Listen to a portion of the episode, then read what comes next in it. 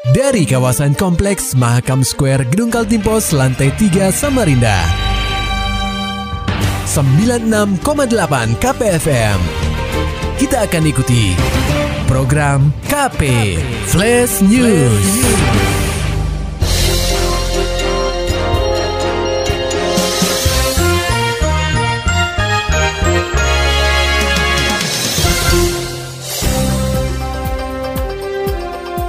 Pendengar KP saat ini Anda sedang mendengarkan program KP Flash News bersama saya Ian Krisna.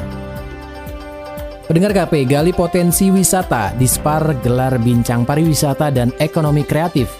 Laporannya disampaikan reporter KPFM Samarinda, Maulani Alamin. Pendengar KP, tak hanya dikenal sebagai daerah penghasil sumber daya alam, Kaltim juga memiliki segudang destinasi wisata bahari dan budaya yang khas. Paling populer di antaranya Kepulauan Derawan di Berau yang mirip dengan destinasi di Maladewa atau wisata Tiga Danau di Kutai Kartanegara yang mulai dikenal wisatawan mancanegara. Dinas Pariwisata Kaltim terus berupaya menyusun langkah strategis untuk mengembangkan destinasi wisata berkelanjutan. Salah satu upayanya adalah menghelat bincang-bincang pariwisata dan ekonomi kreatif di Samarinda pada Senin pekan ini.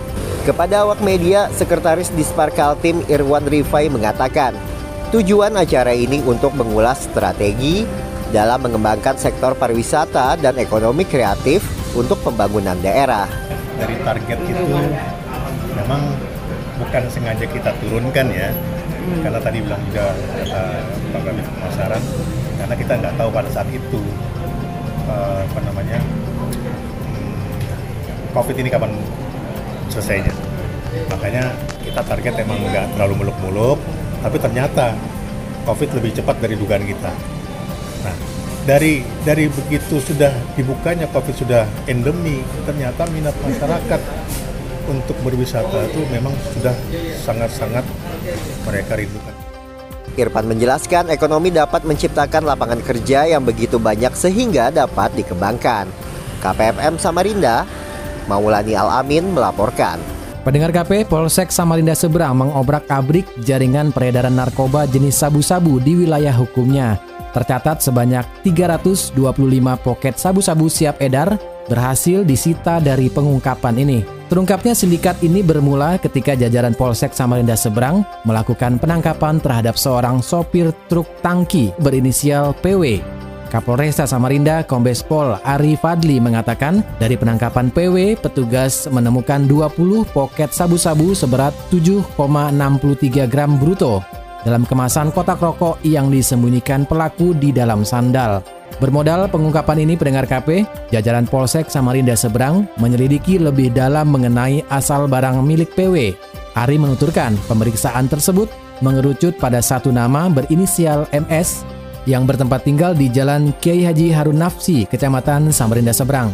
Tanpa waktu lama, petugas kepolisian membekuk MS pada Minggu 26 November 2023. Dari penangkapan SH, polisi menemukan 305 poket sabu-sabu siap edar yang tersimpan di dalam jok motor pelaku. Dari hasil pengembangan, PW diketahui memiliki peran sebagai kurir.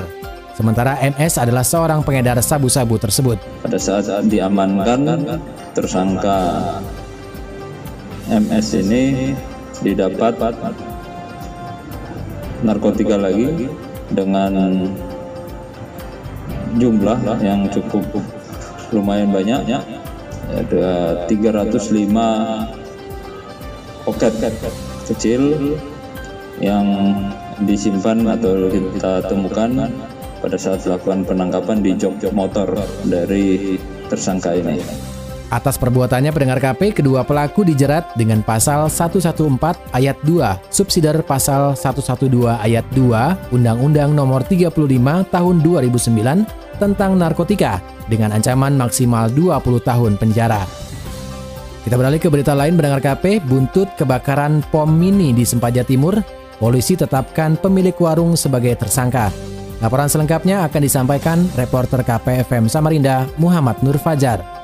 Pendengar KP, pasca insiden kebakaran yang terjadi di sebuah toko kelontong yang menjajakan bahan bakar minyak atau BBM melalui pom mini di Jalan Wahid Hashim 2, Kelurahan Sempaja Timur, Kecamatan Samarinda Utara pada Minggu 3 Desember 2023. Akhirnya, Polresta Samarinda menetapkan pemilik warung berinisial MB sebagai tersangka.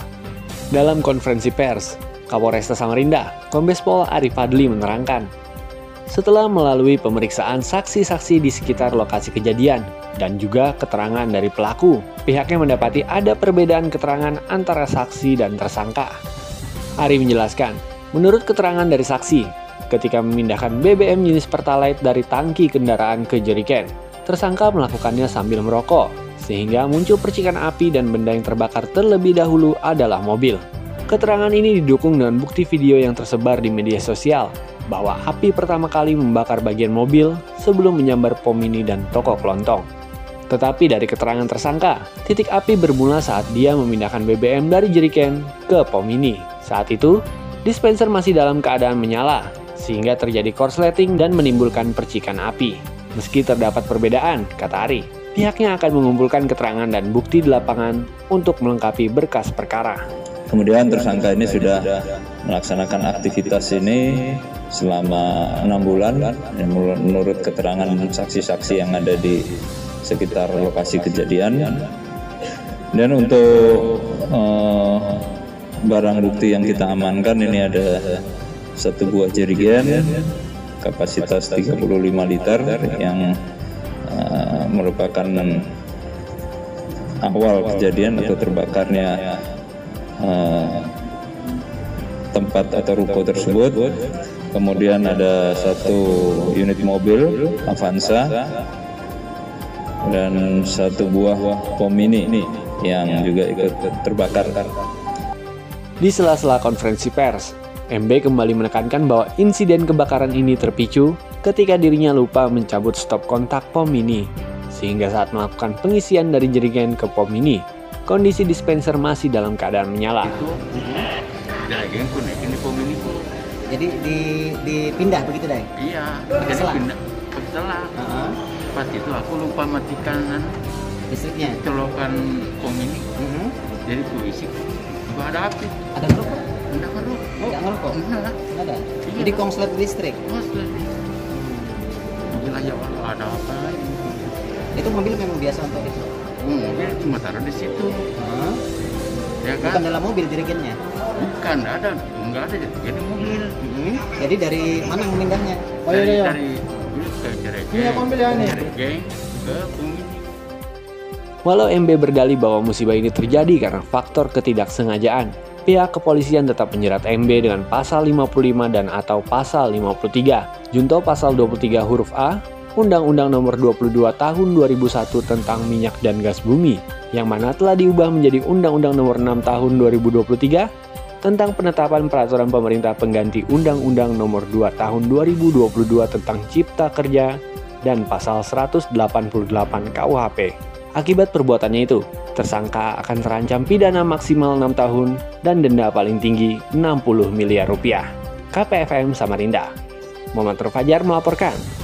Maulani Alamin, Muhammad Nur Fajar, KPFM Samarinda. Anda juga bisa mendapatkan berita-berita lainnya pendengar KP dengan mengunjungi website kami di www.968kpfm.co.id.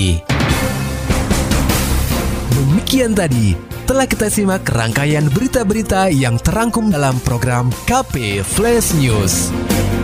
Persembahan dari 96,8 KPFM. Terima kasih dan sampai jumpa.